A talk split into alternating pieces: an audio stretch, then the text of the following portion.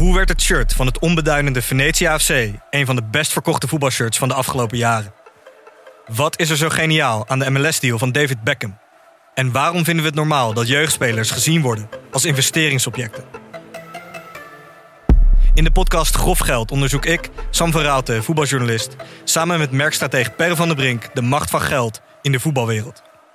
Wat gaat er schuil achter de wereld van sport en glamour? En wie profiteert er? Luister naar Grof Geld en hoor hoe de Skybox de staantribune beïnvloedt. Vind je deze podcast leuk? Beluister dan ook de podcast Goudspraak. Ik ben Minkeboy. Als voormalig tophockeyster weet ik hoe Olympisch goud voelt. In de openhartige podcast Goudspraak praat ik met sporticonen die straks in Parijs voor het hoogste podium gaan. Over de weg naar goud. Beluister nu de podcast Goudspraak. Dit programma wordt mede mogelijk gemaakt door Toto. En het publiek barstte in eh, huilen uit van ontroering en vreugde. Ik word hier helemaal gek van. And uh, there used to be a ballpark where the field was warm and green. And uh, the people played their crazy game with a joy I'd never seen. Dit is de Hartgras podcast nummer 71. There was such a Eh, recht tegenover mij zit Ivo Victoria. Schuin tegenover mij zit Frans Tomezen. En rechts van mij zit Suze van Kleef. Eh, Ivo, jij stond in de Volkskrant vanmorgen. Klopt. Je was met die verslaggever naar Antwerpen gegaan. Nee, niet met de verslaggever. Hij kwam jou toevallig tegen daar. Nee, hij had me gebeld van tevoren. Want eh, hij wou gaan, gaan en toen sms'te hij tijdens de wedstrijd... Ik ben er niet, want ik heb corona. maar ik was gewoon mee met een vriend. Oké. Ja. Maar eh, ik vond het wel erg grappig, want de kop in de Volkskrant was buitengewoon wervend. Antwerp zindert en tintelt weer door Nederlandse kolonie. En dan komt het verslag. Nou, het was gewoon een, een weergaloos feest daar in de Bosuil, bijgenaamd eh, de Hel van Deurne. Noord. Ja. Van deur naar Noord. Nou, het was echt, eh, jezus. Genk komt met 1-0 voor, las ik in het verslag. en, eh, maar dat mocht de pret helemaal niet drukken. Het bleef een, een, een feestreden eigenlijk. En op zeker moment is het stuk afgelopen. En ik denk, nou, dan zullen ze in de laatste minuut wel gelijk maken, hebben gemaakt en gewonnen. Maar nee, Genk had gewoon met 3-1 gewonnen. Ja, dat is Dus 1-3. die kop die was buitengewoon misleidend. Volgens mij had hij het stuk al geschreven voor de wedstrijd. Maar het was, eh, het was wel een zinderende topper. Dat wel. Dat wel, ja. Waar, Ja. Waarbij Antwerp eigenlijk eh, ja, onverdiend verloren heeft. Genk was heel efficiënt, maar Antwerp speelde heel goed. De eerste keer dat ik ze gezien heb eh, onder Van Bommel. Met een, eh, dat wil ik jullie toch meegeven, als een soort van hart onder de riem. Met een geweldige Vincent Janssen. Ja, Die speelde echt een fantastische wedstrijd. Niet van de bal te zetten. En zij gebruiken hem de hele tijd over de volle breedte en diepte van het veld. Hij komt overal, komt hij die ballen, die diepe ballen die worden ingespeeld, eh, komt hij halen. Hij was niet van de bal te zetten. En dat was een zeer, eh, zeer groot contrast met eh, Michael Vrij, die hem kwam vervangen na 75 minuten. Die, eh, die geen bal vasthield, die echt eh, alles kwijtspeelde. En toen was het ook gedaan. dus jij ging weer tevreden naar huis. Ja, ik, het is natuurlijk sowieso super tof om daar weer te zijn. Ehm, al is de charme er een beetje vanaf. De, de hel van Deurne Noord is eigenlijk nog maar voor drie vierde bestaat het stadion eigenlijk nog maar. Want de oude tribune 2, die is helemaal leeg.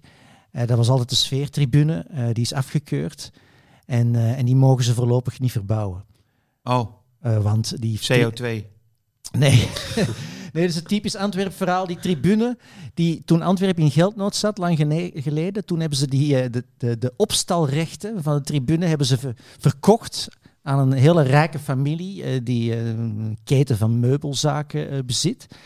En eh, dan zou die, die grond zou dan na zoveel jaar hun eigendom worden.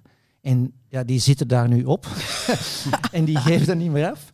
En, eh, en, en die weten natuurlijk ook dat Paul Gijsens, dat hij heel veel, de voorzitter van Antwerpen, die heeft zoveel geld. Dus die denken ook van ja, Kom maar. kom maar. Ja. Dus er komt binnenkort een meubelboulevard aan de kant.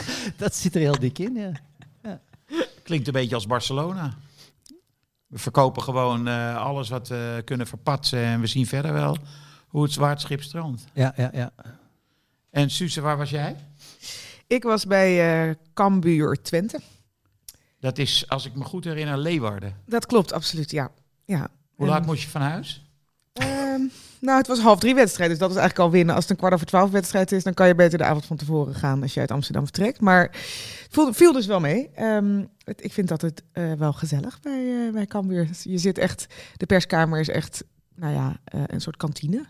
Waar dan eh ESPN eh, nog even wordt opgemaakt. Eh, ja, het heeft wel wat. Hebben ze iets van broodjes, kroketten? Hebben ze een Ja. gerecht dat je alleen bij Cambuur kan krijgen? Suikerbrood, Fries, Oh ja? Fries suikerbrood. Dus daar heb ik dan maar een sneetje van genomen. Ook witte bolletjes met kaas en ham, die heb ik even laten Die staan. kennen we wel. Ja, precies. Ja.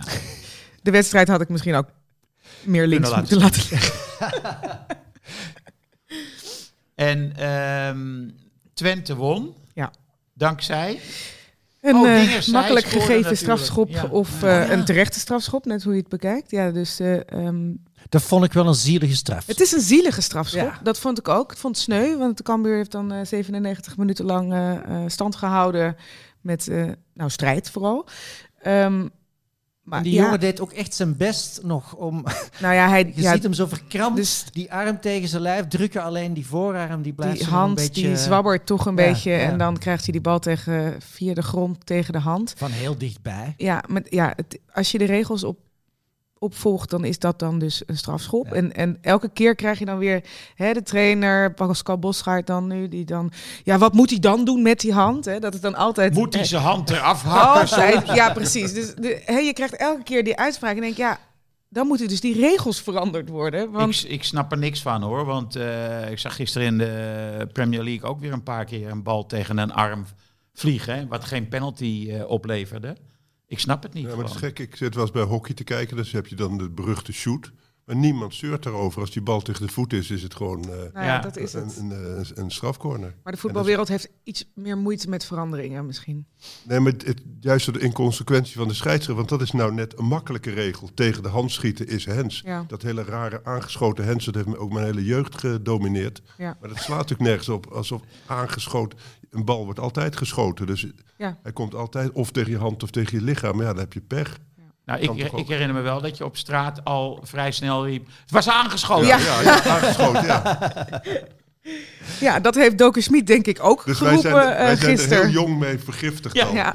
Maar eigenlijk is dat heel mooi, hè, dat, het, dat de voetbalwereld zo in elkaar zit. Want eigenlijk, eh, wat, wat, ze, wat ze doen, is ze hechten heel veel belang aan de intentie. Ja. Dus hij bedoelde het goed. Ja. Waardoor je ook wel eens eh, bij een hele gruwelijke moordaanslag op het veld... Dat, de, dat die trainer dan zegt, ja, maar hij ging voor de bal. Ja, hij heeft wel iemands been gebroken. Maar Ja, ja, maar er heerst dus nog echt een geloof in, in, goede In de goedheid bedoelen. van de Ja, mens. goedheid Ja, van de mens. ja, ja, en, ja, dat, ja, en dat ja, vind ik dan toch weer... eh, aandoenlijk dan of zo. Dat ja, klopt, en daar ja. komen die Swalbes ook uit voort. Want die moeten eh, hè, overtuigen dat het echt erg is. Hè? Dat eh, vind ik ook zo'n raar iets, die, die zou ik maar zeggen. Dat die dan weer eh, Ja. het teken zijn van... Ja, het was wel ernstig. Kijk maar, hij vloog drie meter door de lucht. Ja, precies. Maar als ja. Neymar het doet, dan is het niks. Ook al breekt hij zijn rug een keer, weet je wel. Die geloven we nooit meer. Nee. Die geloven we dan niet. Hè? Ehm, nou, we hebben over Antwerpen, eh, Ivo, gesproken. Mhm. Eh, dat is natuurlijk eh, eigenlijk altijd leuk. Hoe heb jij gekeken Zeker. Ik kan naar... nog veel meer over Antwerpen vertellen eigenlijk. om PSV een beetje te vermijden? Nee, ik heb natuurlijk de wedstrijd tegen PSV niet kunnen kijken, omdat ik eh, mij in de, de hel van Deur de Noord Nee, nee, bevond. maar ik wou... Maar je had ook even kunnen terugkijken. Ja, ik heb het inderdaad eh, de, de samenvatting gekeken. Nee, maar ik bedoelde eigenlijk de Eh, wedstrijd Arsenal-PSV. ah, Arsenal PSV. ja. Daar eh, heb ik eigenlijk niet zo'n slecht gevoel aan overgehouden. In de zin, Nee, eh, Van Nistelrooy ook niet. Nee, ik denk dat PSV daar deed wat het maximaal haalbare was om daar te doen. Eh, en, en goed georganiseerd eh, voetbalde. En dat ziet er dan niet zo mooi uit. Eh, en ik denk dat ze daar eigenlijk gewoon een punt moeten pakken. als deze die bal een beetje fatsoenlijk aflegt op Luc de Jong. Maar goed, ja, ik zag jou ijverig twitteren dat niemand het niveau van Arsenal haalde. Ja. En Veerman, die een paar keer de bal centraal verliest. Klopt. Maar wat moet je er anders gaan doen? Je kunt daar ook vol voor je eigen kansen gaan en eh 6-1 verliezen. Nou, wat vond jij? Heb jij gekeken, Frans? Ja, ik vond het weer wel typische PSV-aanpak van we gaan toch verliezen.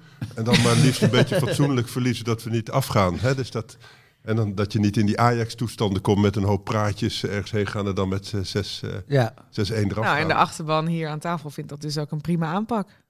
Ja Terwijl, ik- nou nee, ja, ik terwijl, denk, je- terwijl jullie dus nu niet de discussie... Wij gaan, of wij, Ajax gaan dan... Hè, blind staat de discussie, eh Bessie. Maar jullie, die Obispo, die staat te prutsen laatste tegen Groningen. Ja, ja, ja. Die Max, nou, die, die is, ik eh, stel nog liever drie blinds op dan één eh, Max. die is slecht verdedigend. Ja, En, maar jullie voorkomen die discussie door... te zeggen van, ja, eh, het ging wel. 1-0, 1-0, maar ja. lekker, ja. ja. Nee, Nou, ik denk ik- niet dat dat de houding is, eerlijk gezegd. Ik begrijp wel dat jullie er de grootste lol eh, ja. om kunnen hebben, maar ik denk helemaal niet dat dat de houding is. Ik denk dat ze gewoon eh redelijke kans hadden om daar een punt te pakken. En één punt, eh, als je dan gaat rekenen, één punt was genoeg geweest eigenlijk om Midtjylland, eh, die de concurrent is voor de tweede plek in die groep, eh, om daar een voorsprongetje op, eh, op te behouden. Eh, dus ik snap dat allemaal wel. Ehm, wat, wat ik wel vind, is dat bijvoorbeeld de crisis bij Ajax een idiote crisis was. Je verliest drie keer van de twee beste ploegen van Europa. Eh, en dan een akkefietje tegen Go Ahead. En het was grote crisis en Schreuder eh, liep te janken als een klein kind. Dat is eigenlijk heel raar, want er was niet zoveel aan de hand. En Ajax staat gewoon aan, aan de leiding in de competitie met vier punten voor. Maar Ajax vraagt dan dus meer van zichzelf. Ja? Ajax ik bedoel, de lat ligt dan gewoon toch hoger? Nee, dat, ja. Dat, dat Ajax heeft gewoon altijd problemen met het zelfbeeld. Ajax meet zichzelf altijd af aan de uitverkoren godenzonen. En, en dat moet het dan zijn. En als er iets niet helemaal naar wens gaat, dan is de hemel op hun hoofd gevallen. Ivo, dat, Dat is is een ook een topclub. rare Dat is, het, houding. eh, dat is een topclub. Dat doen ze bij elke topclub. Bij, bij Liverpool hebben ze ook eh 30 jaar zitten zeuren over het grote Liverpool. Totdat eh Klop kwam.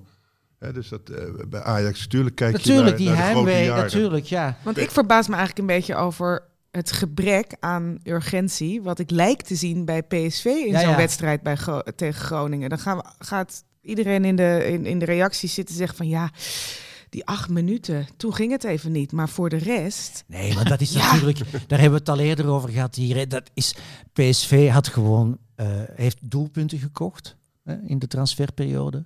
Maar had gewoon een beest van een centrale verdediger moeten kopen. En ik die geloof. Brandweight is op zich wel goed, toch? Nou, maar dat is een jonge jongen die komt net kijken. Investeer nu eens gewoon 10 miljoen in. gehuurd ook is hij toch? Dus ook niet. Ja, is Oh, gehuurd. niet gekocht oh, ja, nee, waar. Eh, dus dan, als nee. je hem had gekocht, dan denk ik, nou, weet, daar kunnen we nog wat mee. ja. Maar Als je kijkt naar het verleden, Alex of Moreno, eh, dat soort types, die zorgen er gewoon voor dat je kampioen wordt. Die investering heb je er direct uit. Maar ik, En- ben, ik was echt teleurgesteld over Veerman en, en Gakpo tegen Arsenal Ja, uit. sowieso. Maar Gakpo... eh, Maar ik bedoel, hij heeft verbijsterende statistieken, Gakpo. Maar laat het echt weer niet zien op een niveau waar hij zo graag naartoe wil. Krijg- Hij heeft daar niks te zoeken. hij krijgt ook wel echt geen bal fatsoenlijk aangespeeld in zo'n wedstrijd. Ja, maar op een gegeven moment dan ga je hem maar halen. Maar je, je bent de beste speler, dan moet je dat laten zien. Hij straalt het niet uit, dat Nee. is waar. Ja. Nee, maar En- je ziet bij hem, hij krijgt minder tijd natuurlijk. Dat geldt voor Veerman ook. De, de Ajax, waarom is Ajax afgeslacht? Omdat ze gewoon gewend zijn rustig de bal te kunnen aannemen. Achter het standbeen aan, aan- langs Ja. eh, te vegen. En lekker hè, naar de tribunes te kijken of iedereen het gezien heeft. En dat kan natuurlijk niet tegen een Engelse ploeg. Die, die zitten er meteen, eh, meteen op. En, da, en dat zie ik bij Gakpo steeds. Gakpo is gewend met zijn snelheid en zijn kracht even te versnellen. En dan heeft hij dat gaatje en dan, en dan schiet ja, hij met de tweede, de tweede keus van Arsenal is ook sterk en snel. en die is net zo snel, of nog Precies, sneller. ja. Hun backs, die, die zijn net zo snel als eh, hè, Nederlandse aanvallers. Vaak sneller nog. Dus, eh, Ja, en ik vind eh, Veerman, ik heb zelf ook gezegd, hij is een kandidaat om mee te gaan naar Qatar. Maar ik vind het dan zo teleurstellend dat hij twee keer op zo'n plek de bal verliest. En nou, de eerste keer verloor hij de bal, de tweede keer werd hij gepoord vlak voor de 16. Er komt een goal uit van Arsenal. Ja, ik vind dit echt ongelooflijk. Hij, eh, dat is volkomen juist wat jij zegt. Er is geen urgentie. Ook niet in zijn spel. Hij hobbelt maar. En dat eh, moet je Vooral met... voor iemand die ook nog eens zegt dat hij meer controlerend wil spelen dan op die 10. Als je dan op eigen helft je dat soort dingen permitteert. Ja. Veerman eh, heb ik altijd het beste gevonden bij PSV als die vanaf links eh, op het middenveld speelt. Er was een periode daar vorig seizoen dat Gakpo geblesseerd was. En toen vulde hij dat in op links, op een andere manier natuurlijk. Maar toen was hij veel gevaarlijker en was PSV veel minder kwetsbaar. Omdat hij verliest die ballen centraal eh, veel te vaak. ik herinner me nog. Ik, ik had dat in een eh, stukje staan. En iemand op Twitter die vond toen een stukje van mij van zeven jaar geleden. Dat ik Veerman zag. Eh Volendam Sparta bekerwedstrijd. En toen heb ik hem met Chivo vergeleken. Ja. Eh, en dat het, eh, het voetbal van Volendam weer eh, iemand had gevonden als eh, Wim Jonk en Gerrit, eh, Gerry Muren, Arnold Muren. Maar ik weet het niet. Ik weet niet of hij het nog gaat redden. We hebben hier al even vaak eh, onze bewondering zitten uiten Ja. voor de waanzinnige traptechniek van Veerman. Ja, ik, Ja, maar ik, ik weet niet of je er- karakter kan... eh, Ik maak me daar niet druk om. Het is een jonge jongen. Hij speelt nu op dit niveau. Dat gaat met, eh, met vallen en opstaan. Als je kijkt hoe Gravenberg, hoe onevenwichtig die was bij Ajax. En nu eh, is het het grootste talent wat, wat zo... Wat gehad ooit bij. Bayern op de bank heeft gespeeld. Ja, Hè, maar dat is ook zo'n zo'n jongen. Die, die, hè, die hebben natuurlijk een surplus aan talent. Die hebben natuurlijk in de jeugd altijd met gemak gespeeld. En dan moet je ineens moet je erop en erover. En dat, dat, is natuurlijk, dat gaat niet zo gauw als je jong bent en je speelt tegen slimme tegenstanders. En dat zie ik wel bij Veerman. Het is toch gewoon gemakzucht en denk ik, ik kom er wel uit. Bij Timber zag je het ook. Timber heeft nu Martinez niet naast zich. Dat, dat gepirouette gedoe wat hij altijd eh, zo sierlijk doet, dat, dat leidt nu ook wel eens tot balverlies. Of zat hij dan ook ineens ver voor de bal, denk ik, Timber, wat, wat doe je daar nou weer op het veld?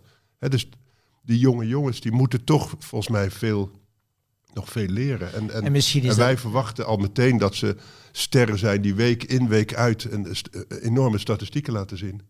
Hè, die statistieken überhaupt zijn natuurlijk al de pest voor het voetbal. Omdat je dan, eh, ja. dan ga je zeggen twee keer de bal verloren.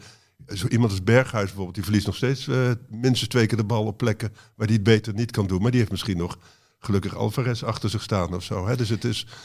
Eh, snap dat je? is Het- een het is groot van veel verschil, hè? factoren afhankelijk. Eh, PSV mist misschien wel zo'n type als Alvarez eh, of een centrale verdediger. Ze hebben Sangaré, toch?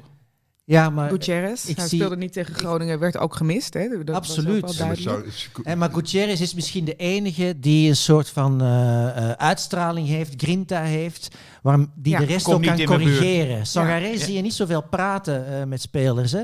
Die is veel met zichzelf bezig. Die is veel met zichzelf bezig. En, en achterin is er ook niemand die Nee. op basis van prestaties de autoriteit kan uitstralen. Nou, ik vind om Ramaljo de laatste tijd wel goed spelen. Ja, maar ja, ja. Maar een enorme persoonlijkheid is het niet. Zoals Alex, inderdaad. Nee, en dan heb je toch veel jongens zoals Veerman, eh, Xavi Simons, eh, Gakpo. eh, nou, je had ervoor Saibari. Jonge jongens van wie je niet eigenlijk mag verwachten dat ze in zware wedstrijden de kar gaan trekken. Nou ja, Op welke leeftijd vinden wij dat Nederlandse voetballers in de eredivisie de kar moeten trekken? Nou, van Gakpo zou je het bijvoorbeeld ondertussen wel mogen verwachten. Maar die is, jonger. 23. Die is jonger volgens mij dan Veerman. Veerman is 23. Nee, Gakpo is ook 23 volgens mij. Gakpo Ja. ook. Ja. Oké, dan vinden we dus van Gakpo wel, maar van Veerman op zijn 23-jarige leeftijd niet. Die is, e- eerste seizoen, nou, tweede seizoen bij een topclub. Ja. Nee, ja, Terechte vraag. Ja, ja. nee, ik weet het niet. In de, in de glo- glorie jaren 70 was het 6, 7. ja, maar goed, dat, Ja, dat nee, is nu goed, natuurlijk ja. totaal anders. Ik denk dat je op je 23ste, dat je als je gewoon echt een grote voetballer wil worden, Ja, dat ja, je dan ja. in de eredivisie, dat je best de kar moet kunnen trekken. Harde woorden, Suze. voor, eh, voor Joey. Suze, ik eh, moet eh, niet vergeten om aan jou te vragen, waar is Vivianne Miedema?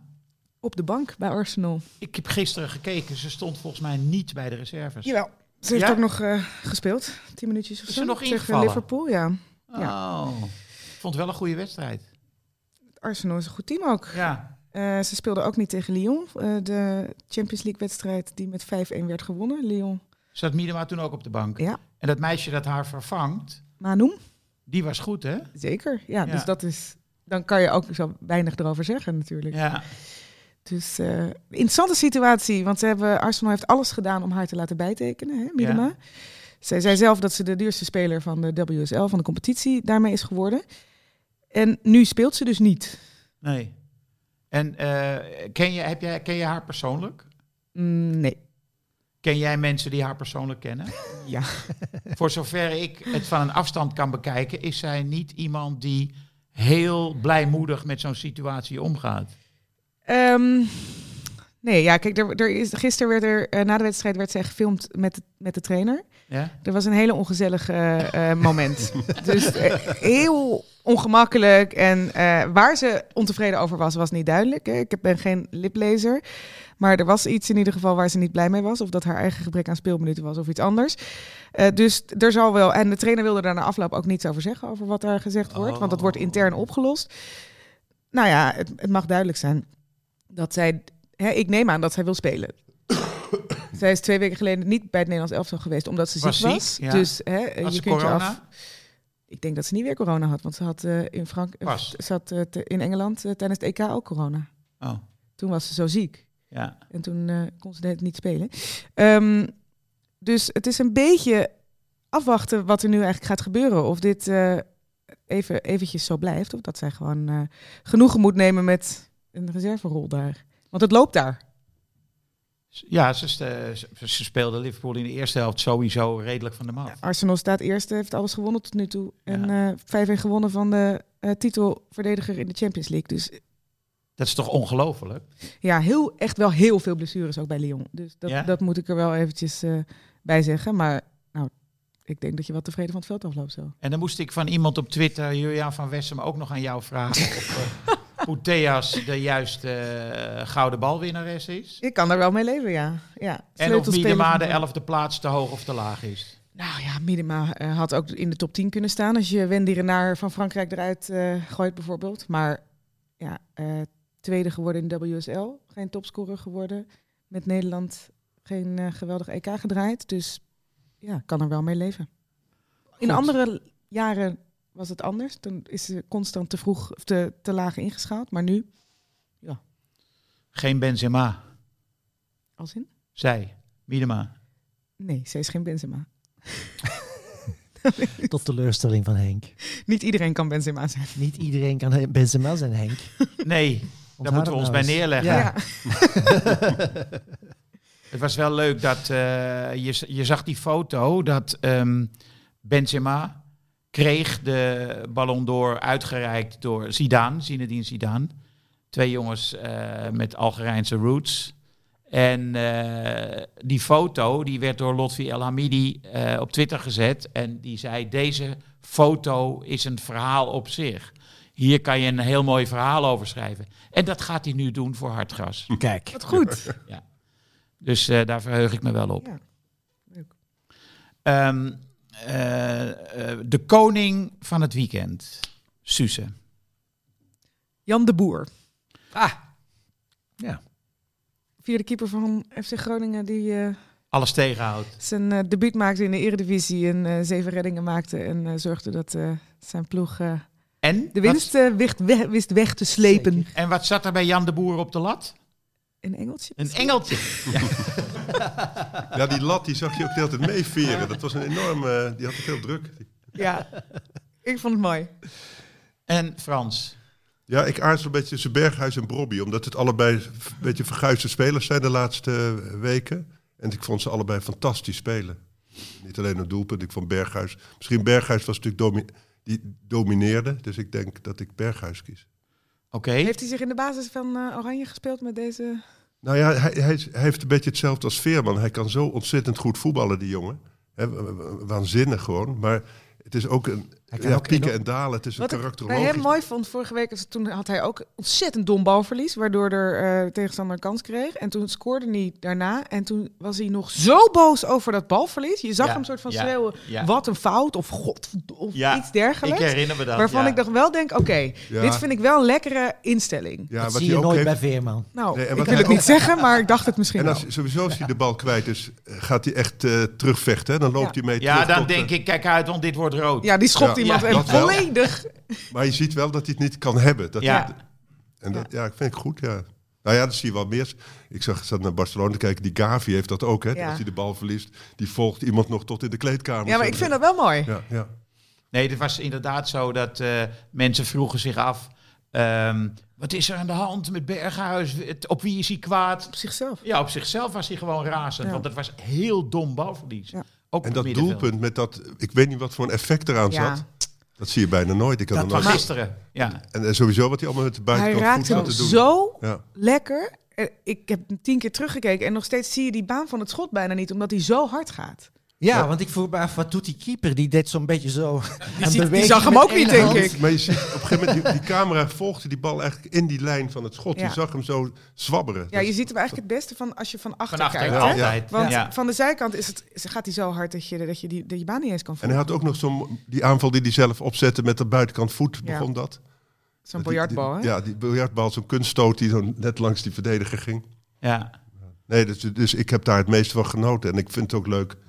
Want potentieel is hij natuurlijk inderdaad een basisspeler voor het Nederlands elftal. Er zijn eh, op het middenveld weinigen die zo goed kunnen voetballen. In de zin van hè, eh, schieten, passeren, al die, al die basisdingen. Creativiteit, ja. Creativiteit. Spel en zicht. Hij kan ook splijtende paas geven, zoals het heet. ja, maar we hebben ook nog een soort van balans te bewaken, Frans. In het Nederlands elftal. En Frenkie staat er sowieso. De Roon geblesseerd geraakt, hè? Dit Ja. weekend. Ja, is Over balans gesproken? Hamstring. Jawel, maar dan gaat het altijd Oh, om de dat keuze is, eh, Klaas eh, Berghuis. Ja. En dan kies ik toch Berghuis, als Berghuis goed is voor Berghuis. Zeker in combinatie met eh, Memphis en eh, Bergwijn. Bergwijn. Ja. Want hij is toch in staat zo'n paasje ook precies in de loop te geven en zo. En jouw koning, Ivo? Eh, ik kies voor een eh, romantische koning. Het was dit weekend eh standaard Anderlecht. Ja. eh, wat is uitgelopen op een eh, enorm gedoe. Want uh, Anderlecht... ja. Ja, enorm. eh, dus Anderlecht-fans hadden vuurwerk het stadion mee ingenomen. Iets waarover een van de, de bondsmensen achteraf zei... Ja, dat is niet te voorkomen, want men verstopt dit vuurwerk in allerlei lichaamsholten. dus dat kunnen ze bij het fouilleren blijkbaar dan niet. Ja, ik weet niet wie een vuurpijl... Enfin, Maar ook dat je dan zo'n ambitie hebt Ja. dat je dat zo graag wil dat je het in je lichaamsholte Dan zou ik gewoon Ja. een aansteker fouilleren, dan is het snel afgelopen. Dus anyways, dus er ontstaat een enorm gedoe tijdens die wedstrijd. Eh Anderlecht verliest 5-0 voor scoren eh, vanwege eh, hun supporters. En eh standaard Anderlecht is de Classico in België. Hè. Ondertussen twee vergane glories eigenlijk. Maar eigenlijk is dat de Classico. Er staat heel veel op het spel. En eh, na afloop van de wedstrijd heeft eh, Aaron Dunham, een speler van Standaard, eh, voor de spionkop van Standaard zijn vriendin ten huwelijk gevraagd. En ze zei ja, Henk. en het publiek barstte in eh, huilen uit van ontroering en vreugde. Ik word hier helemaal gek van.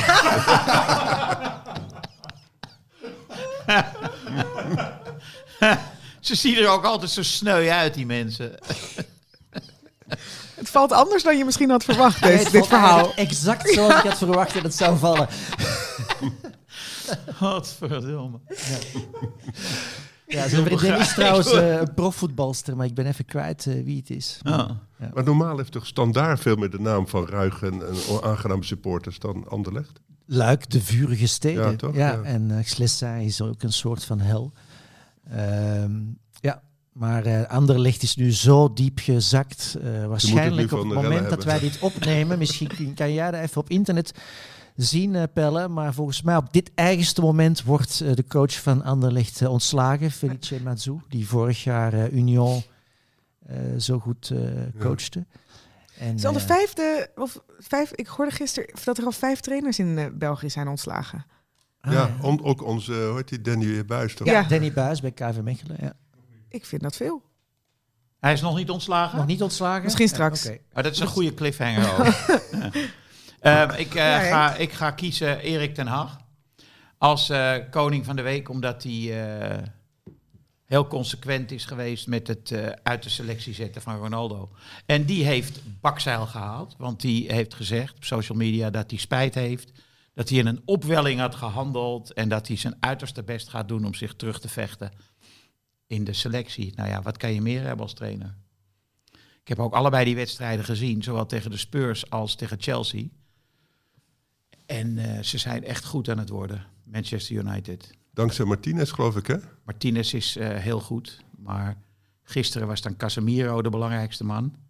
En Eriksen Casemiro is een meesterlijk middenveld.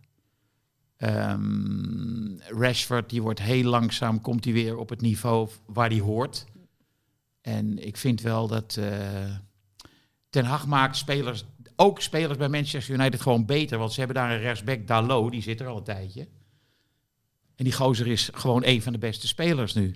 Terwijl, eh, ja, je rechtsbackplaats daar was eh, dubieus altijd. En Luke Shaw is weer op zijn oude pijl. Nou, ik vind gewoon de Ten Hag, die doet het echt heel erg goed op een bijzonder moeilijke plek. Oké, welke gaan we kiezen? Lijkt me duidelijk. Dat moet wel Aaron Dunham zijn.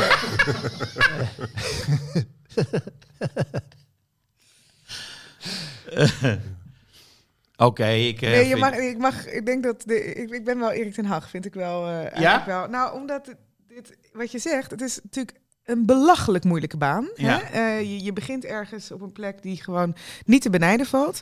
En je begint ook slecht, hè? met slechte resultaten, laat ik het in ieder geval zo zeggen. Slecht voetbal overigens ook trouwens, dus je begint gewoon slecht. En je bent wel in staat om dat tij te doen keren. ja, Het voetbal wordt beter. Je hebt een machtsstrijd met een Nou van de beste spelers eh in qua ieder geval je reputatie duurste speler en, Ja. en et cetera. Die lijkt nu ook beslecht te zijn. Dus ik vind dat eigenlijk wel eh, een knap staaltje Maar waar mogen die koningen uit gekozen worden? Want anders zit je natuurlijk altijd met Haaland en Mappé en weet ik wat. Nee, trainers mogen ook. Ik heb Nee, dit van tevoren gecheckt met uh, Pelle. Ja, Wat? Alle competities. Oh. Dan is het toch gek dat wij altijd Nederlanders nemen dan. Eigenlijk wel, ja. er wordt hier eh, toch ook een, een Vlaming voorgesteld. Ja, maar eh. die zit ook heel braaf Nederlanders eh, te kiezen. Nou, ik heb Nee, ik heb nee, zo nee, net nee, een. Noor eh, gekozen. eh, en ik zag eh, dit weekend trouwens twee Belgen een bal prins heerlijk in de winkelhaak ja, hoor, de bruine Tielemans. De Bruinen en Tielemans. Zo, die de bruine zeg, ja. Ja, het Ah. was eigenlijk een veermannetje wat de Bruinen deed. Want het was met Harder. veel gevoel. Wel iets harder dan Ja. Veerman trapt, maar ja, hij zat er schitterend in. Ja. Mag jij de knop doorhakken? Nee, dan doe ik ook vanaf. Jij doet ook Den Haag? Oh ja. Nee, dat vind ik prima. Nee, maar ik dacht dat het Nederlandse competitie moest zijn. Ah, nee. Maar Ten Hag, ik, ben- ik ben het helemaal met je eens. Ik vind hij blijft eh, onder al dat gedoe in Engeland blijft hij heel rustig en consequent.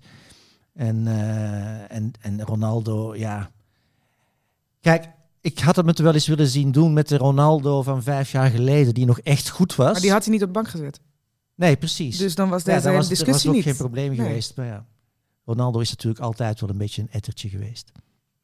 Hadden we het al, of was dat voor de uitzending? Nee, maar dat mag ik nog even over Ronaldo? Dat is interessant, want Ronaldo heeft natuurlijk Real Madrid ook tegengehouden. Want van Real Madrid werd gezegd dat moet helemaal eh, gerestaureerd worden. Dat is oud. Ze hebben alleen eigenlijk Ronaldo eruit gegooid. En al die oudjes die doen het prima, die winnen gouden ballen en weet ik wat.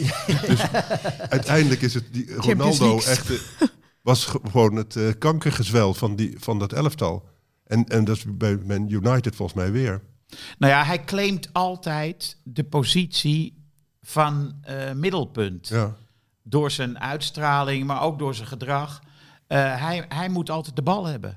En ik zweer je, als hij hetzelfde gaat doen bij Portugal tijdens het WK, dan, dan loopt dat volkomen uit- uit de hand. Die, die komen nergens dan. Nee. En het is maar de vraag of die coach het aandurft om eh, in, eh, voor het Portugese publiek om Ronaldo op de plek te zetten waar hij hoort, op de bank. Ja. Nou ja. Ehm, het is eh, geworden de koning van de week. Tadaa. Geworden Erik ten Hag. En aan het eind van het jaar kiezen we de koning van het jaar. Ja, is er eigenlijk al überhaupt iemand die twee keer genoemd is als koning? Misschien Gakpo? Gakpo, ja, Gakpo, Gakpo zou... Simanski. Simanski wordt hier gezegd. Ah ja, vorige week hadden we Sima- Simanski, hè? Ja. Dus die gaat aan, aan kop nu in onze prestigieuze koning van het jaar verkiezing. Nou, mooi. Mooi. Ehm, En Veermannetje in het begin misschien nog wel, toch? Of niet? Dat we in het begin nog wel vaak genoemd hebben. ja, zeker. Toen hij die, eh, achter elkaar die goals in de, in de, in de linkerhoek legde. Simons Ja. hebben we ook al genoemd. Ja. ja. Ehm, hoe heet het? eh, hebben we het gehad voor de uitzending of tijdens dat Robbie niet wist wie Hugo Borst was? Dat was voor de uitzending. Dat was voor de uitzending. Kunnen we rustig nog een keertje overdoen? Het was op zich wel een grappig moment bij ESPN dat ehm, de eh, interviewer vroeg, want Hugo die had eh, de loftrompet afgestoken over Brobby en dat hij de voor spelers als Brobby naar het stadion ging en dat hij een waanzinnig hoog gemiddelde van gespeelde minuten gemaakte goals had. En eh Brobby vroeg aan de verslaggever Hugo Borst, wie is dat? ja, ik, ik dacht hij, hij dolt de boel, maar... Maar waarom denk je dat? Waarom zou Brian Brobby precies weten wie Hugo Borst is? Ja, hij doet elke zondag langs de lijn. Ja, denk je, hoe denk je dat Brian Brobby naar Radio 1 zit te luisteren? ik bedoel, ik hoop het, hè? Maar, Zijn familie ook niet? nou, ik denk het eigenlijk niet. Oh ja. Ik Kijken denk- voetballers eigenlijk überhaupt naar studio voetbal of eh, lezen zij wedstrijdverslagen of analyses? Er zijn zeker voetballers die dat doen. Ja? Maar de meeste niet. Dat Nee. denk ik ook niet. Ja. En waarom zou je ook? En eh, toen later zei hij, eh, oh ja, dat is die van Sparta. dus hij associeerde Hugo met Sparta. Het was op zich wel een heel grappig moment. Ehm, Maar als schrijver ga je toch ook nooit eh, recensenten bespreken, bijvoorbeeld? Nou, volgens mij besprak jij er nog eentje onlangs in de Volkskrant. Maar Ja, je weet wel ja. hoe ze heten. Ja, natuurlijk weet je hoe, hoe ze Ja. heten, je maar weet ook hoe ze eruit zien. soms, maar je, je, weet, je volgt ze niet. Het is niet zo dat ik denk van, eh, wat eh, interessant, eh, wat die Nu, of nu die... weer eens zien wie, eh, wat, wat die of die ervan vond. Nee, omdat je toch, het, Ja. het is toch een, een gebruiksverhouding. Je hebt ze nodig. en dus in dat nodig hebben respecteer je ze. Maar het is niet zo dat ik denk, goh, die heeft dat over mijn boek geschreven. Ik ga het volgende boek er toch wel even rekening mee houden. en dat doen die voetballers natuurlijk ook niet. Nee. Die denken ook niet als Hugo zegt dit of dat. oh ja, ja, dan moet Nee. ik graag aan werken de volgende training. Nee. Maar is het nog zo... ehm, want wij hadden het op Twitter even de, eh, over Enzo Schifo naar aanleiding van eh, Veerman. En Ja. eh, jij zei toen, Rick de Sadeleer heeft in de tijd, Belgische Ja. voetbalcommentator, die heeft Schifo kapot gemaakt. En dat klopt wel. Rick de Sadeleer die stond ervoor bekend dat hij in het vliegtuig naar uitwedstrijden naast Guy Thijs, de bondscoach, in het vliegtuig zat. En dan werd de opstelling besproken. Eh, zijn er eigenlijk nog voetbaljournalisten die zo'n eh, grip hebben of zo dicht bij eh, coaches of echt invloed uitoefenen op opstellingen? Of eh, Of Van is die tijd niet. voor goed voor- voorbij? Ik denk niet dat Van Gaal zo'n journalist naast zich heeft zitten, toch? De pers reist niet meer in hetzelfde nou, het wordt gezegd van toch? Schreuder, hè? En al- daar heeft Schreuder vorige week op gereageerd. gemaakt, Ja. Ja. Nee, maar Met die de, de, tirade. nee, maar de Telegraaf schijnt toch wel een speciaal lijntje met Schreuder te hebben. Nou ja, dat is nu natuurlijk niet meer het geval. Nee. Want hij ging, eh, eh, hoe heet die aanvallen? Valentijn Driessen. Nee, maar hij heeft met die andere had hij toch, met die Mark Verwij heeft hij toch. Ik. volgens mij was het, het verhaal was dat toen hij de vorige keer bij Ajax zat, dat hij toen een lijntje had. Ja. Dit is het verhaal. Alfred Schreuder, als je zit te luisteren, het verhaal. Ik zeg niet dat het waar is. Anders, eh, Nee, ja, dan komt hij me halen. Dus, Bel mij, bel mij. Maar goed, ja, er kan natuurlijk op een gegeven moment door pers, en dat geldt trouwens ook voor recensenten van boeken, op een gegeven moment kan er een soort van Ja. eh, vibe ontstaan rond een speler of rond een opstelling of rond een auteur, waardoor iedereen daarin begint mee te gaan en dan wordt de druk zo groot, ja, dan moet die, die auteur wel genomineerd worden of dan moet die speler wel gaan spelen. Op zich is het wel vergelijkbaar, soms zie je dat wel gebeuren. want je ziet het, de goede trainers doen het toch niet. Die, van Gaal doet het toch niet. Nee. Of eh Ten Hag, die zijn... En die worden dan juist nog extra aangepakt, omdat ze volharden in een bepaald systeem. En dan Ja. denken die journalisten... Ja, wat wij doe je nou eigenwijs? wij Waarom luister je al niet? zes weken schrijven we dat het eh, knudden is en je, je hebt vier keer verloren. Hè, en, en Ajax wordt inderdaad een crisis aangepraat. En als Alfred Schreuder dan kwaad wordt, dan wordt er gezegd... ja, zie je wel, hij heeft het helemaal niet meer in de hand. Hè? Dat, eh, terwijl ik denk, ja, Maar dat is toch impact? Ja, dat is toch, toch impact van eh, media en omgeving Ja. op die coach. Nee, het is dus En duidelijk, hij leest toch het op wel. reageren en Ja. die gaat toch dingen veranderen. Ja. Ja. Hij leest het zeker wel. Maar Brian Brobby, denk ik dat hij lekker gewoon naar huis gaat. Even spotje FIFA spelen en de groetjes. En dat lijkt me heel verstandig. Dus Als je... Dat lijkt ook mij ook heel verstandig. Dan luisteren ze dus ook naar de podcast. Dan, eh, dan ga ik ook wat, eh, wat meer brengen. Ja. Ik, Ja, ik, zonder dat ik eh, onbescheidenheid wil etaleren, maar volgens mij heb ik één keer invloed uitgeoefend. In, ver, ja, één keer hè. Ver, ver voor de tijd van de social media. Ik ging in Bordeaux naar Richard Witsche kijken. En eh, die had net een vaste plaats veroverd bij Bordeaux. Hij speelde heel anders dan in, eh, dan in Nederland. En heel anders dan we van hem gewend waren. Hij speelde als verdedigende middenvelder. Hij nam de plek van Lisa Razou over als die bij Bordeaux eh, langs de lijn begon te rennen. En ik had toen in het Algemeen Dagblad een redelijk groot stuk geschreven onder de kop Richard Witsche is klaar voor het Nederlands elftal. En toen werd hij wel geselecteerd. Ja, dat is onomstootbaar bewijs. Hallo? Ja. Hey. Dus hij, en zijn vader zei toen een keer tegen mij: Jij hebt hem erin geschreven. Dus ik eh, geloofde dat meteen. Ja, Ik, was, vond het, ik dacht, ja, niet kapot checken. nee, nee, Nee. zeker niet kapot checken. was Guus Hiddink. Ja, Guus Hiddink zie ik er wel voor aan. Die, was, die vond het ook leuk, hè, journalisten. Ja, Ja, dus het, ja. Eh, gisteren heb ik Arno Vermeulen zitten kijken bij ehm, Studio Voetbal over die eh, armbandkwestie, regenboogarmbandkwestie. Ik vond het een heel wazig verhaal. Heeft iemand het gezien? Ja? Ik kon het niet uit, ik kon het niet volgen.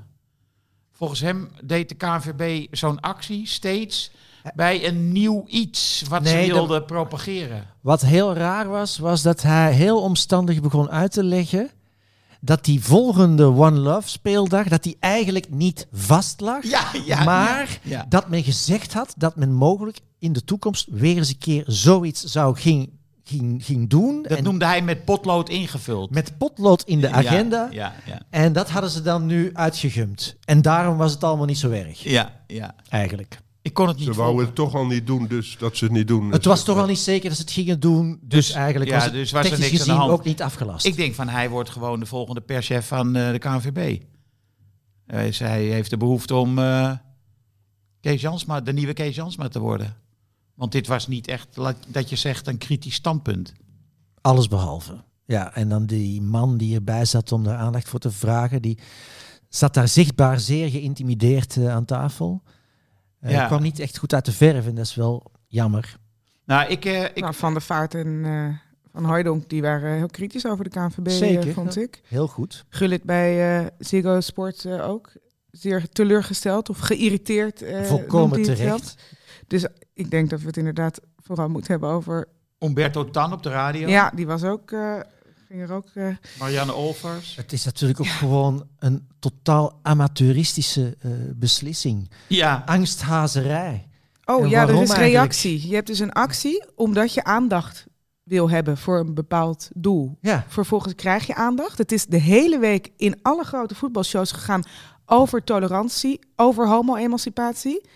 Je hebt je doel bereikt, maar nee. en dan ga je Eh, zelf je eigen actie ondermijnen. Ja, Het is zo'n zwak leiderschap, vind ik. Gullit zei dat volkomen terecht, eh, eh, heel goed. Ze voelen het niet. Ze voelen de urgentie niet. Ze weten niet hoe het is om gediscrimineerd te worden of om eh Buitengesloten. homohaat eh, te verwerken te krijgen. En het is gewoon een soort van, dus eigenlijk was het al van om te beginnen een soort van eh, ja, charme-offensief. Iedereen doet dit soort acties, dus wij ook maar. Zo maar, die wa- maar houding. wat bedoelde die Vermeulen nou met die andere dingen? Hij had het over andere dingen die eh, gekoppeld werden aan zo'n armbandactie. Wat zijn die andere dingen dan? Respect hoorde ik heel vaak noemen. Ja, maar dat is natuurlijk niet op zich een actie. Soort, dus, ja. Jawel, dus ook die actie, antiracisme actie natuurlijk, die hebben ze ook al natuurlijk tijd. Maar hij had het wel over twintig. 20? Ik dacht dat hij het het woord Het idee is 20 volgens mij dat die One Love actie een bredere actie is dan alleen de aanvoerders in het betaald voetbal die een bepaalde armband dragen. Maar dit is wel de meest zichtbare actie die je vervolgens Ja. dus schrapt. Ja, Want dat is het uiteindelijk gewoon wel. Ja. En die in het ook- buitenland gewoon vlekkeloos Ach verloopt. joh, ik bedoel, in de Premier League eh, hebben ze een regenboogarmband. Hè? Dus Ja. niet eens een armband waar nog verschillende interpretaties over. mogelijk kunnen zijn. Ja. Ik ben ook Maar het is gewoon, hè, de Bruine die maakt het werelddoelpunt met die regenboogarmband. Er is Ja. er geen, enkel, geen enkele discussie over. Ja. En dan wordt er, er is bij Manchester United dit weekend wel anti-homo spreekkoren. Maar er wordt ook meteen, hè, Ten Hag spreekt er daar meteen over uit, wordt meteen actie over ondernomen. Hoe het is daar niet perfect, maar hè? We lopen zo achter in Nederland. Ik ben is ook echt- helemaal klaar met dat woord respect. Het is echt een soort van paspartout geworden om u maar niet te moeten uitspreken. Nee, want dat is ook, dat vond ik aan Kukshu, dus die zich Ja. dit weekend dus nu wel uitspreekt. Hè? Want vorig weekend had hij een statement waar ik denk Ja. twaalf keer het woord respect in stond. Niet te volgen. Ja. Volledig om de hete brei heen draaien. En nu stond hij voor de camera en toen zei hij eigenlijk gewoon, ja, als je goed nadenkt, hè, dan eh, de week van eh, coming out, dan eh, moet je het gewoon hier niet in, moet je het hier niet in organiseren, de, de One Love ja, armband. waardoor je dus daar... Ik wil Waardoor je daar- dus zegt, oké, want het ging over die beweging, zoals hij het dan Ja. noemde. Het was een actie voor die beweging en daar wil ik geen uithangbord voor zijn. En dan denk ik echt als Feyenoord, nu zegt hij het dus duidelijk, hè? die beweging, de LHBTQ-beweging, daar wil ik geen uithangbord voor zijn. Dan moet je al helemaal zeggen, jij bent onze aanvoerder niet meer. Ja, vind ik ook. En dan moet je als club gewoon uitspreken en eh, borst vooruit en zeggen, wegwezen met die band. Ja. Want die die heeft toch ook wel de uitstraling van een Zeker. aanvoerder? Ja. Die staat wel blijkbaar voor de normen en waarden Ja. van je club. Ja, ik vind het toch, dat vind ik toch moeilijk. Ik bedoel, ik ben het eh, inhoudelijk volkomen met je eens, maar eh, vorige keer had, een- noemde ik niet voor niks eh, Graham Norton, die zegt van ik wil geen eh, posterboy zijn van acties eh, waar ik misschien te weinig van weet. Maar hij zegt niet dat hij te weinig van weet. Hij heeft Nee. advies gevraagd aan zijn imam. Hij heeft geen advies gevraagd bijvoorbeeld aan het plaatselijke COC. Zou ook aardig zijn geweest als je daar misschien Ja. eventjes... eh, Oh, en die Mee praat. had gezegd Die had hem bevestigd in zijn gevoel. niet doen. Dat gevoel had hij, ja. Serieus? Ja. Jezus, Dat wist ik niet. Nou ja, dat is ook wat hij zei in deze interviews met ESPN en NOS. Ja, ik denk dan dat het... eh, Er was een heel ander eh, aspect hieraan nog. Ik ik las een column van Maxim Februari. Heb je die gelezen? Nee, denk ik. Die, die zegt, eh, die was, eh, die was eh, gepikeerd omdat eh, de homo's ermee vandoor waren gegaan met, eh, met, die, eh, met die actie. Terwijl, eh hoezo? Trans mensen zijn toch ook, eh, worden toch ook buitengesloten. Ja. Dus dat was weer een hele andere eh, benadering van de zaak. ik hoop eigenlijk dat er eh, betaald voetbalclubs zijn die zeggen... wij gaan het wel doen, deze band. Wij, hoeven, wij hebben de KNVB niet nodig om ons uit te spreken voor meer tolerantie. Ja, we gaan bij het juist hebben doen. ze dat bijvoorbeeld gedaan. Ja. Hebben ze zelfs helemaal in regenboog shirts eh, gespeeld. Ja, Probeer nou eens voorop te gaan En lopen niemand, in plaats niemand van... die, eh, want dat zijn ook niet allemaal de grootste intellectuelen die daar op de tribune zitten. Maar die, hè, die zitten ook gewoon in de vishandel en eh, groothandel. Dat niemand... niets ten nadele van de Nee, vishandel. nee, dat wil ik, nee, ik wil meer zeggen dat je zegt, hè, wat, wordt altijd een beetje geframed als een soort eh links-intellectuele hobby, zulke soort dingen. Maar bij, bij Telstar vindt iedereen dat. dat is, eh, Ja. Er wordt niet gefloten en niet raar gedaan. En, eh, En ook al wordt er wel gefloten, dat zal altijd een minderheid zijn. Dus, dus misschien moet je daar dan niet voor zwichten, zoals de KNVB net heeft gedaan. ja. Absoluut, ja. Ik moest denken, eh, toen ik, ik hoorde dat van die KNVB... en ik had net zo'n filmpje gezien dat, eh, van het Chinese partijcongres. Dan zie je, zie je dus eh, zie je hoe eh, zeg maar de nummer twee in macht... die wordt dan eh, op zijn schouder ja. En die moet meekomen. En waar die gebleven is, weet niemand. Maar eh, daar, het is een plek waar ratten lopen, denk ik. En Ja. zo. En dus ik dacht van, misschien dat op de jaarvergadering van de KVB degene die deze beslissing heeft gemaakt, ehm, heeft genomen om zich terug te trekken van alle acties denkbaar, dat die ook Kan weggeleid worden. ja, weggeleid worden. Maar ik denk het eigenlijk niet, want ik heb juist het idee dat daar dus te veel dezelfde denkende mensen zitten. Hè? Want ze hebben dus een commissie Mijnans, die gaat over, die, Ja, la- die die, heb- moet hen adviseren over dit soort zaken. Ja. Die hebben ze niet gekend in deze. Dus ze nemen zelf die, discussie, die beslissing. Ja. Ik weet niet wat voor tegenspraakmechanisme daar zit. Er is Maar- er natuurlijk één die heeft gezegd, we kunnen hier niet mee doorgaan. Dat is er zeker één. Mhm. En kennelijk heeft hij dan eh, zoveel macht en invloed dat de rest eh, braaf ja knikkend zegt van, oh ja natuurlijk, want het was wel een hoop gezeik zeg. Maar er is iemand geweest die heeft gezegd van, eh, we gaan hier niet mee door. Maar ja, nu is er weer ophef over dat ze er niet mee doorgaan. Dus als de KVB consequent is, dan nemen ze deze week de beslissing om er toch mee door te gaan. ja. Pelle zit driftig te gebaren, Henk. Eh, oh, we gaan eh, voorspellen. Dat bedoelt hij. Dat bedoelt hij. Ja. Eh, de wedstrijd die we gaan voorspellen is Ajax-Liverpool. Ivo, jij mag beginnen. Ja, ik, ik neem aan dat Ajax conform de clubcultuur vol op de aanval zal gaan spelen. Eh, en eh, dus eh, zal ik zeggen 2-4. 2-4. Frans. Eh, het, is, het is wel zo, Liverpool, kunnen die nog eerste worden, maakt dat iets uit? We- Weet ik echt niet. Wat, vaak zie je wel bij dit soort wedstrijden, als er al twee, het Napoli Mm. en Liverpool kan volgens mij geen eerste worden, want die zijn ook geslacht door Napels. Maar zijn ze allebei al geplaatst? Eh, Napels en Liverpool. Ja, Ajax kan zich nog plaatsen, toch? Ajax kan zich theoretisch Theoretisch, plaatsen. Ja, dus ze moeten... ja. Ja, maar de Liverpool gelijkspel in ieder geval voldoende. Ze hoeven niet vol, vol aan de bak. En dat, meestal is het met Liverpool zo, als ze, hè, ze hebben hun competitie waar ze best slecht staan, waar ze denk ik hun zorg allereerst naar uitgaan. Ze staan zevende of Ja. zo, dus niet te Dus ik denk niet dat ze eh, spelers tot het uiterste zullen drijven. Dus, wat is de conclusie? Nou, Ajax maakt wel een kans op in ieder geval gelijk spel en een kleine overwinning, denk ik. Dus om de, de sfeer erin te houden, zeg ik toch eh, 2-1. Nou, dan ga ik de sfeerspons maar weer eventjes uithangen. Ajax moet en gaat vol op de aanval spelen. Dat vindt Liverpool heerlijk. Hè? Beetje achteruitleunen op de counter. Dus 0-3. Ik heb Liverpool zien spelen tegen Nottingham Forest zaterdagmiddag. Eh, zag er niet uit.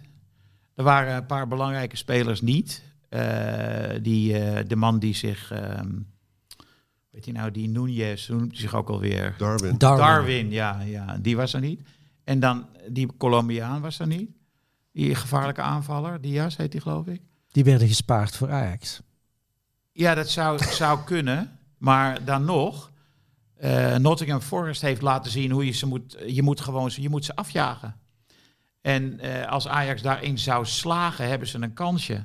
Maar ze geven ook zoveel ruimte weg, Ajax. Hè? Ja, dit- dat is het probleem. Ja, Ook tegen slechte tegenstanders. ja. Ja, tegen RKC was het ook niet, eh, Nee. was het ook niet best in de eerste helft. Nee, nee. Ja. dat is jouw voorspellingen, sorry. Ja, mijn voorspelling. Maar ik eh, heb een inleiding eh, nodig gehad. het een beetje eh, uit te stellen. Spanningen een beetje erin houden. Eh 1-2. Maar denken jullie echt niet dat Ajax wat meer eh, compacter, zoals het heet, gaat spelen? Dat, Dat ze, moet. dat ze met twee eh, controlerende, hè, dat Taylor wat lager gaat staan. Nee, maar dat mag niet. Nee, maar Oh ja, van de cultuur niet. Hè? Ik zou het doen. Ja, ik denk inderdaad, als je, als je met twee controleurs speelt en iets, eh, iets compacter, dan heb je nog altijd een paar jongens voorin met flitsen die, eh, die sneaky 1-0 kunnen maken. Ja. het beste is natuurlijk om met twee spitsen te spelen. Met Brobby en Bergwijn. Ja. Eh, en je terugtrekken achter je eigen middellijn en dan op de counter. Dat is tactisch gezien verreweg het verstandigste. Maar dat is niet eh Schreuderbol, hè? Nee, en ook niet Ajax-bol. Nee. Ze moeten, ze moeten naar voren druk zetten.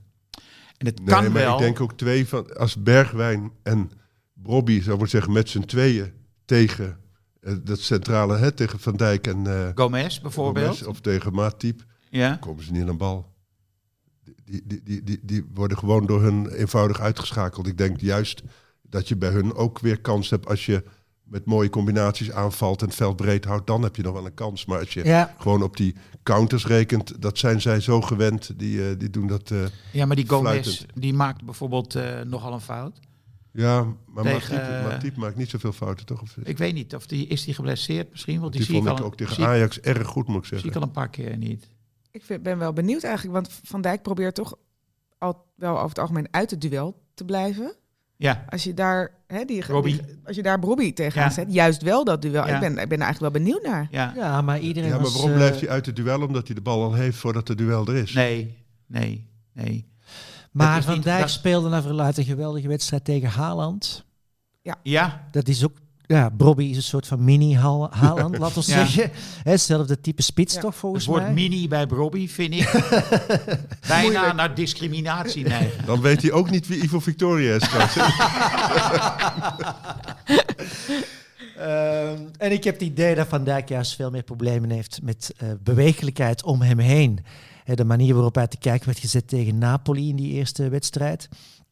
Door veel bewegende spelers om hem heen eh, die wendbaar zijn. Dus Bergwijn Kudus zou eigenlijk slimmer zijn. Eh, dat kan Schreuder zich natuurlijk niet meer permitteren om Robbie eh, eruit te zetten. Nee. Maar eh, de snelheid en bewegelijkheid van Kudus Hij maakt in ieder geval wel een heel mooi doelpunt. Ja, dus dat, Kudus kan uit het niks iets creëren natuurlijk. Hè? Oh, uit tegen Liverpool toen. Ja, was Ja. een mooi goal. Van Dijk die eh, heeft echt drie ongehoorde kansen gemist tegen eh, Nottingham Forest. Dat was eh, ja, voor zijn doen echt bijna ongelooflijk. Kopballen, maar die keeper die was ook heel goed hoor. Maar eh, een paar keer alleen voor de keeper. Ja, dat moet Ajax niet krijgen. Niet te veel corners tegen, want dan is het echt afgelopen. Ja. Ja. Enfin. Wat hoor je? Ja, dus, er wordt hier al de hele tijd zijn, zijn er kinderen aan het spelen hierboven misschien. Je hebt ook een rattenplaag in Amsterdam. Hè? Ah ja, Hele grote, dikke. heel goed. Krijgt de luisteraar hier iets van mee, eh, Pelle? Of wordt het straks allemaal eh, vakkundig uit? Het is echt een, een eh, heel goed moment om af te sluiten met de rattenplaag in Amsterdam. Yes, there used to be a ballpark